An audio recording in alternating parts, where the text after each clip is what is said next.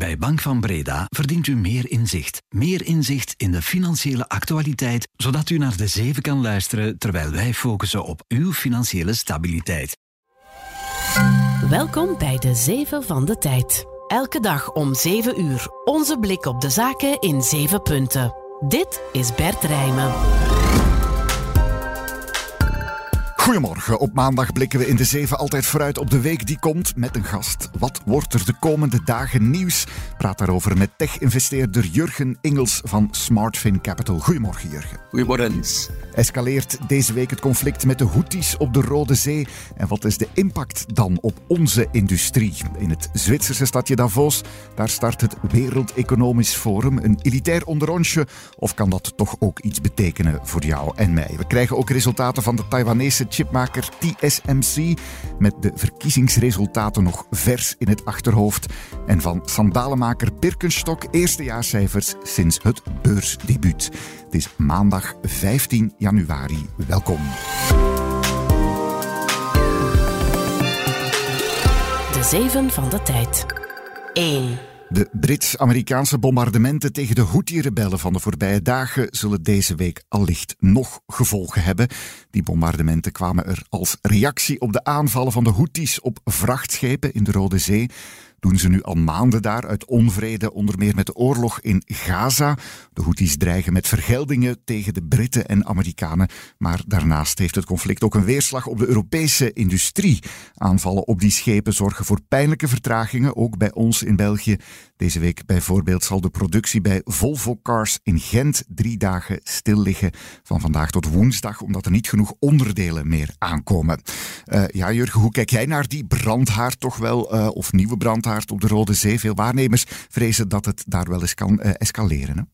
Ja, het, verstoort in ieder geval de populaire route van containerschepen, hè, die vanuit Azië naar, naar Europa halen. ik heb eens gelezen dat 12% van de wereldhandel uh, via de Rode Zee loopt. Dus dat is echt wel significant. Het is ook mhm. wel zo dat historisch, als je historisch kijkt, grote regionale conflicten uh, ontstaan dikwijls als gevolg van kleine brandhaarden. Dus het is zeker, denk ik, geen fait divers. En, en die, die Houthis, die, zijn ook nog redelijk fanatiek. Uh, dus het kan eigenlijk een, een volk wel zijn die heel de regio in laaien kan zetten. Ja, uh, dat uh, zal de volgende dagen zeker nog verder evolueren. Uh, laten we eens naar die businesskant van dit verhaal kijken. Jurgen, fabrieken dus ook bij ons, die nu opnieuw met tekorten zitten. Hoe, hoe zie je die gevolgen? Ja, dat conflict heeft natuurlijk aanzienlijke effecten op de Hanse logistieke keten. Hè, en vooral het just-in-time principe.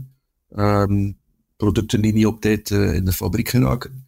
waardoor er ook fabrieken effectief stilvallen. En, en, en waarbij dat eigenlijk de roep naar lokaal produceren toch ook wel belangrijker en belangrijker geworden. Uh, langs de andere kant ook stijgende prijzen van die containerschepen. Uh, wat dan weer zorgt voor inflatie, die stijgende prijzen. Nou, dat is net hetgeen dat we in Europa wel kunnen, uh, kunnen missen als kiespijninflatie.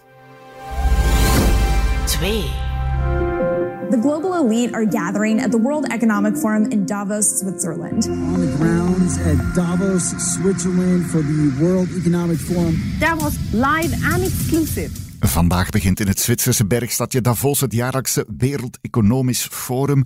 Politici, wereldorganisaties, bedrijven ook ontmoeten elkaar daar tot en met vrijdag. Officieel om van de wereld een betere plek te maken door te netwerken. Maar natuurlijk draait het daar ook wel om geld. Het Wereld Economisch Forum verdiende vorig jaar zelf een slordige 300 miljoen euro aan toegang en lidgeld. En Davos is natuurlijk ook de setting, of op zijn minst de wieg van een boel lucratieve business deals. Voor het eerst is er ook een Belgium House, waar de koning en premier De Croo onder meer Microsoft-oprichter Bill Gates zullen ontvangen. Vlaams minister-president Jan Bon komt ook naar Davos, maar heeft ergens buiten dat Belgium House een apart zaaltje, de Flanders Room. Uh, los uh, van die perikelen, uh, Jurgen, ga jij er ook naartoe? Is dit voor jou? Nee, nee, ik, ik, ben er trouwens nog nooit geweest. Um, het is wel interessant, want dit jaar ik, is, het building, is het thema Rebuilding uh, Trust. Uh, maar het gaat ook vooral over nieuwe technologie, dus ik zal er eigenlijk wel een keer uh, naartoe willen gaan, zeker ook om, om een aantal van de mensen die daar spreken te horen. Ja, we, we, noemen dat daar altijd zo'n beetje de uh, ultieme hoogmis van de globalisering. Globalisering die, met wat we de afgelopen maanden hebben meegemaakt, toch een beetje op haar retour is. Heeft het uh, eigenlijk uh, enige betekenis voor ons? En dat bedoel ik dan ja, het, het bredere publiek, Jurgen? Maar het is zeker dat het, dat het echt wel een prestigieus netwerkevent is. Hè? Maar ik heb persoonlijk toch wel de indruk dat het een klein beetje een circus is. waarbij dat, dat zien en gezien worden heel belangrijk is. Dat ook heel veel geld in rond. Ehm, langs de andere kant is het wel een plaats waar je veel bedrijfsleiders en regeringsleiders in één keer kunt zien. En ik denk dat dat natuurlijk kan zijn als je politieke steun nodig hebt voor iets.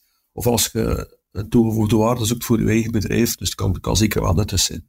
Mhm, ja, mensen die deelnemen zeggen inderdaad dat ze op heel korte tijd heel makkelijk heel veel mensen zien. Uh, laten we eens naar dat Belgisch uh, paviljoen kijken, Jurgen. meer uitstraling moet dat geven aan ons land daar in Davos.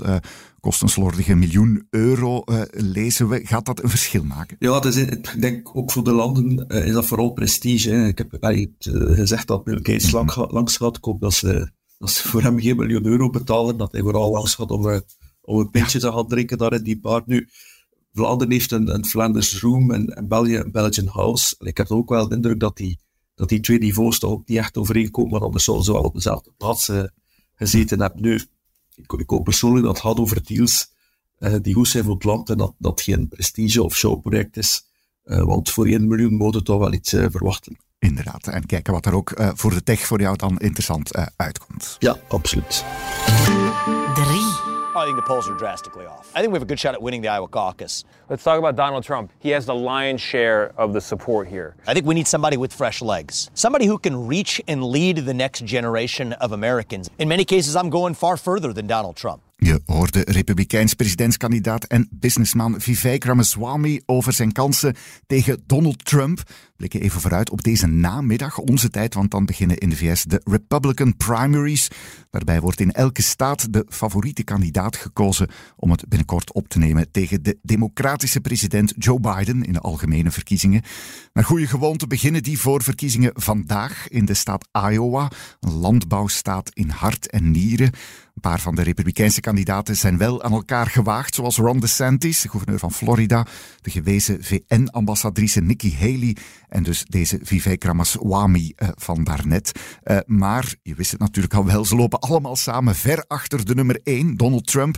Die behoudt in de peilingen in Iowa ook een voorsprong van 30 procentpunten op de andere kandidaten van zijn partij. Uh, Jurgen, wat verwacht jij nog ja, van die republikeinse voorverkiezingen met zo'n grote voorsprong? Ja, ik, denk persoonlijk dat het een redelijk uitgemaakte zaak is, he, dat, dat Trump dat gaat winnen. Mm -hmm. natuurlijk dat hij niet mag opkomen in, in een aantal staten, maar allee, let op wat er gebeurd is in de, de laatste jaren, wat zeker niet uitgesloten is. Eerst was al uitgesloten voor de voorverkiezingen in de paar staten, dus dat, dat kan, nog wel, uh, kan nog wel een effect hebben. Ja, inderdaad. Eh, voorlopig is het na deze back to the courtroom voor Donald Trump. En de volgende stap dan, Jurgen, richting die Amerikaanse verkiezingen in november, is ja, het hernieuwde duel, hè, kan je zeggen, met Biden. Hoe zie je dat verlopen? Ja, ik denk dat dat, dat zeer pitsig en, en allee, moeilijk zal zijn, met heel veel verwijten. Uh, over en over en weer en het persoonlijke aanval. Allee, het zal in ieder geval, denk ik, spektakel gegarandeerd zijn. En met Trump weet je nooit, hij kan op een totaal rare manier uit de doek komen. Dus uh, het zal wel interessant zijn om te zien wat er gaat gebeuren. Mm -hmm. Veel waarnemers geloven dat Trump ja, echt uh, een goede kans heeft om te winnen. Een tweede Trump-termijn, als we daar eens naar kijken, Jurgen, uh, wat zou dat betekenen voor de wereld, voor de economie ook? Ja, wel, Trump heeft de eerste keer, uh, toen hij president was, aangegeven dat, dat voor hem de NAVO eigenlijk nutteloos is. En hij zou er wel echt een keer werk kunnen van maken als hij verkozen wordt om, om te stoppen, uit te stappen uit de NAVO of, of dat zelfs lang te leggen. Mm -hmm. uh, ik denk dat, dat dat voor Europa serieuze gevolgen kan hebben op vlak van de defensie. En, en nog een keer aantoont dat Europa zijn defensie versneld moet, uh, moet uitbouwen. Ook denk ik in Oekraïne kan er wel gevolgen zijn. Uh, want misschien gaat hij wel druk zetten op, op de Oekraïners om een deal te maken met Poetin. En akkoord te gaan eventueel met territoriumverlies. En we weten historisch dat uh, toegeven aan dictators uh, of, of, iemand zoals Poetin, dat dat niet altijd uh, de beste strategie is. 4. 台湾缔造了民主阵营的第一场胜利。 Taiwan heeft gezorgd voor een overwinning voor de gemeenschap van de democratieën wereldwijd. Veelzeggende quote is dat van aantredend president Lai Ching-te van de China-kritische partij DPP. Uh, we moeten het inderdaad ook nog even hebben over Taiwan, want de verkiezingsuitslag van afgelopen zaterdag daar zal ook deze week stevig weer klinken. Donderdag krijgen we dan de jaarcijfers van misschien wel het belangrijkste bedrijf uit Taiwan, chipmaker TSMC. Wat kunnen we daaruit leren? Uh, zaterdag won dus die DPP de De derde keer is dat voor de partij. Ongezien voor Taiwan. China beschouwt het eiland nog altijd als een afvallige provincie. Hoopt het ook ooit weer te kunnen inlijven. Um, na de overwinning riepen de Taiwanese leiders China al op om de resultaten van de verkiezing te respecteren. De realiteit onder ogen te zien en te stoppen met het onderdrukken van Taiwan. Uh, ook die uitspraken kunnen tellen. Wat voor consequenties, uh, Jurgen, verwacht jij uh, van die verkiezingsuitslag? Ja, ik heb, ik heb veel met Chinezen gewerkt. En als er één iets is wat je kunt zeggen van Chinezen, is dat ze geduld hebben. Mm. Geduld is, is voor Chinezen echt wel een sleutelwoord. En ik denk dat ze, dat ze met geduld ooit Taiwan toch gaan, uh, gaan terugnemen of gaan proberen in te palmen. Uh, Taiwan, denk ik, is ook een strategisch. De helft van de wereldhandel gaat door die, die Zuid-Chinese zee. Mm -hmm. En uh, ik verwacht ook wel, het zal ook interessant zijn om te zien wat de, de houding van de Verenigde Staten zal zijn. Want ik denk dat ze Taiwan niet zomaar kunnen laten vallen. Want dat zou ja, een stuk hun betrouwbaarheid kunnen aantasten. Uh, er is in die regio nog andere landen, bijvoorbeeld de Filipijnen. Als, als zij Taiwan laten vallen aan de Filipijnen, of van de mensen in de Filipijnen, denken, ja, als ze dat doen, wat gaan ze dan met ons doen? Dus het is wel belangrijk, denk ik, voor de geloofwaardigheid van van de Verenigde. Ja, groot strategisch belang daar sowieso. Taiwan is dan ook nog eens goed voor 90% van de productie van geavanceerde chips voor in computers. De meeste daarvan worden gemaakt door het bedrijf TSMC. Daarvan krijgen we donderdag de jaarresultaten. Uh, ja, dat maakt die dan nu ook extra interessant, uh, Jurgen? Ja, absoluut. Want die, die, allee, die halfverleders uh, waarover, spreekt, waarover gespreekt zijn eigenlijk een stuk brein van heel veel elektronische apparaten, zoals smartphones en auto's. Uh, dus het is zeker interessant om te zien dat die vraag uh, gaat evolueren. Uh, het is ook wel zo, mocht, dat allemaal bestelvallen, stel door de, de Noorderoorlog of zo, dan, dan heeft dat wel enorme desastreuze gevolgen voor de wereldhandel en, en de evolutie daarop. Naast TSMC zijn er nog heel wat bedrijven die hun jaarresultaten droppen deze week. Morgen krijgen we die van twee Wall Street beursreuzen op ons bord. Morgan Stanley en Goldman Sachs, beide belangrijke zakenbanken. Analisten van Bloomberg Intelligence die zijn optimistisch over de verwachte jaarcijfers daar. En iets helemaal anders donderdag dan. Dan is het aan de Duitse schoenen, maar vooral ook sandalenmaker Birkenstock. Eerste keer dat die met jaarcijfers komen sinds die beursinstap. Uh, naar welke kijk jij het meest uit, uh, Jurgen? Ja, persoonlijk vind ik Birkenstock wel, uh, wel interessant. Allee, die, die, die maken slippers, sandalen, kloppen niet echt. Uh, mm-hmm. weet maar, beursdebut, denk ik, in, in oktober vorig jaar was niet echt een succes. De aandeel heeft bijna 20% gezakt. Um, maar de prijs was ook keer duur. Uh, ik denk dat de koers-omzetratio uh, 5 was ongeveer, wat, wat in lijn ligt met, met technologiebedrijven. Dus ik vind het wel interessant dat uh, bedrijven als slippers en sandalen en kloppen maakt ongeveer evenveel waard is qua ratio als een technologiebedrijf. Mm-hmm. Um, dus recent was er wel een remonte. En ze staan nu wel iets terug boven de introductieprijs. Uh, het is natuurlijk een consumentenproduct bij uitstek, dus, dus hoe zal de verkoop zijn? Interessant om te zien hoe dat, dat loopt. Uh, wat persoonlijk vind ik nog steeds veel te duur. Ik zal ze absoluut niet kopen. Uh, als aandeel of ook om aan je voeten te doen, Jurgen? Ja, aan mijn voeten doen wel. Het is wel goede kwaliteit. Maar als aandeel denk ik is net iets te duur. Zes.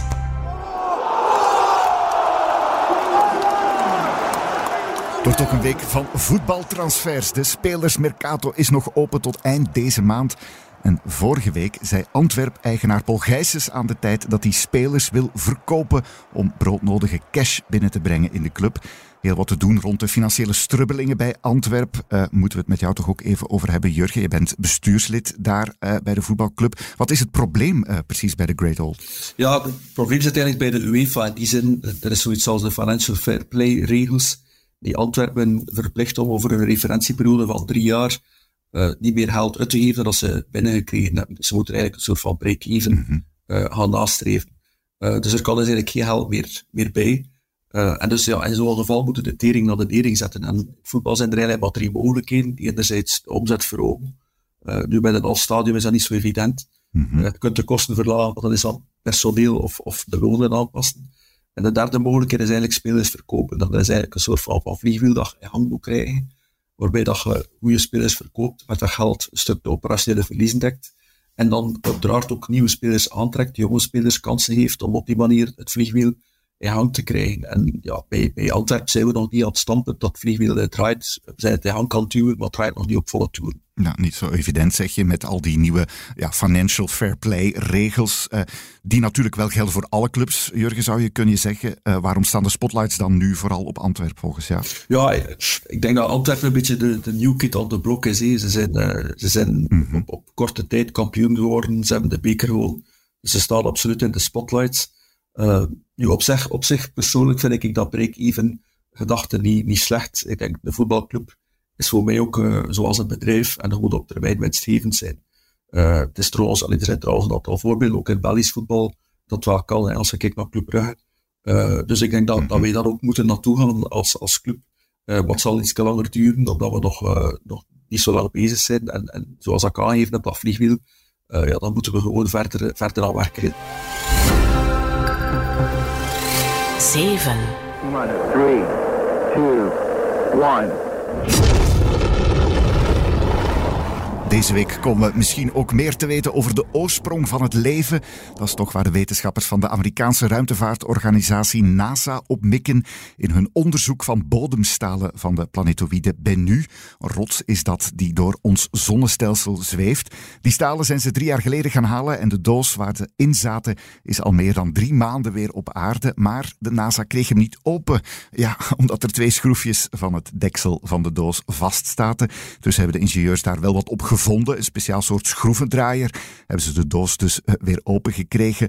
Uh, los van dat detail, Jurgen, jij bent een echte space freak, mag ik wel zeggen. Bent daar volop mee bezig. Uh, waarom is dat zo spannend voor jou, die doos met bodemstaal? Wel, via die doos en die staal gaan we mogelijk inzicht krijgen in het ontstaan van het leven. En het, niet alleen inzicht, maar mogelijk gaan ook kunnen ontrafelen. ze hebben nu al gezien dat er, dat er water- en, en koolstofmoleculen aanwezig zijn. En dat zijn eigenlijk fundamentele bouwstenen. Dus, uh, dus de vraag is eigenlijk, ja, is, is, het leven echt ontstaan op aarde of komt het van planetoïden of van kometen? Dat is eigenlijk wel, ik vind dat ongelooflijk cool. Uh, ik vind het ook wel cool dat ze dat ding zijn gaan halen op zoveel duizenden of miljoenen kilometers. En dat dat dan veilig en wel terug op de aarde komt na drie jaar. Dat is uh, echt wel cool. Benieuwd dus naar wat er in de doos zal zitten. Absoluut. En daarmee zijn we weer helemaal klaar voor de komende nieuwsweek. Dank je wel voor je inzichten, Jurgen Engels. Graag gedaan. Trouwens, we willen ook van jou horen. Wat vind je eigenlijk van de zeven? Help ons om deze podcast nog beter te maken. Er loopt intussen al een maandje een enquête. En we gaan hem binnenkort afsluiten. Laatste kans dus om ons te zeggen of je de zeven te lang, te kort, te ingewikkeld of net te simpel vindt. Misschien ook wel te druk of te saai, wie weet. Het is een korte vragenlijst waar je op vijf minuten doorfietst. En je kan dan een draadloze hoofdtelefoon winnen. Ga naar tijd.be slash de zeven en vul de enquête in. Ik steek de link ook in de show notes. Alvast bedankt voor nu en tot morgen. Dit was De Zeven met Bert Rijmen. Productie door Roan van Eyck van op de redactie van De Tijd. Bedankt om te luisteren. Morgen zijn we er weer. Tot dan.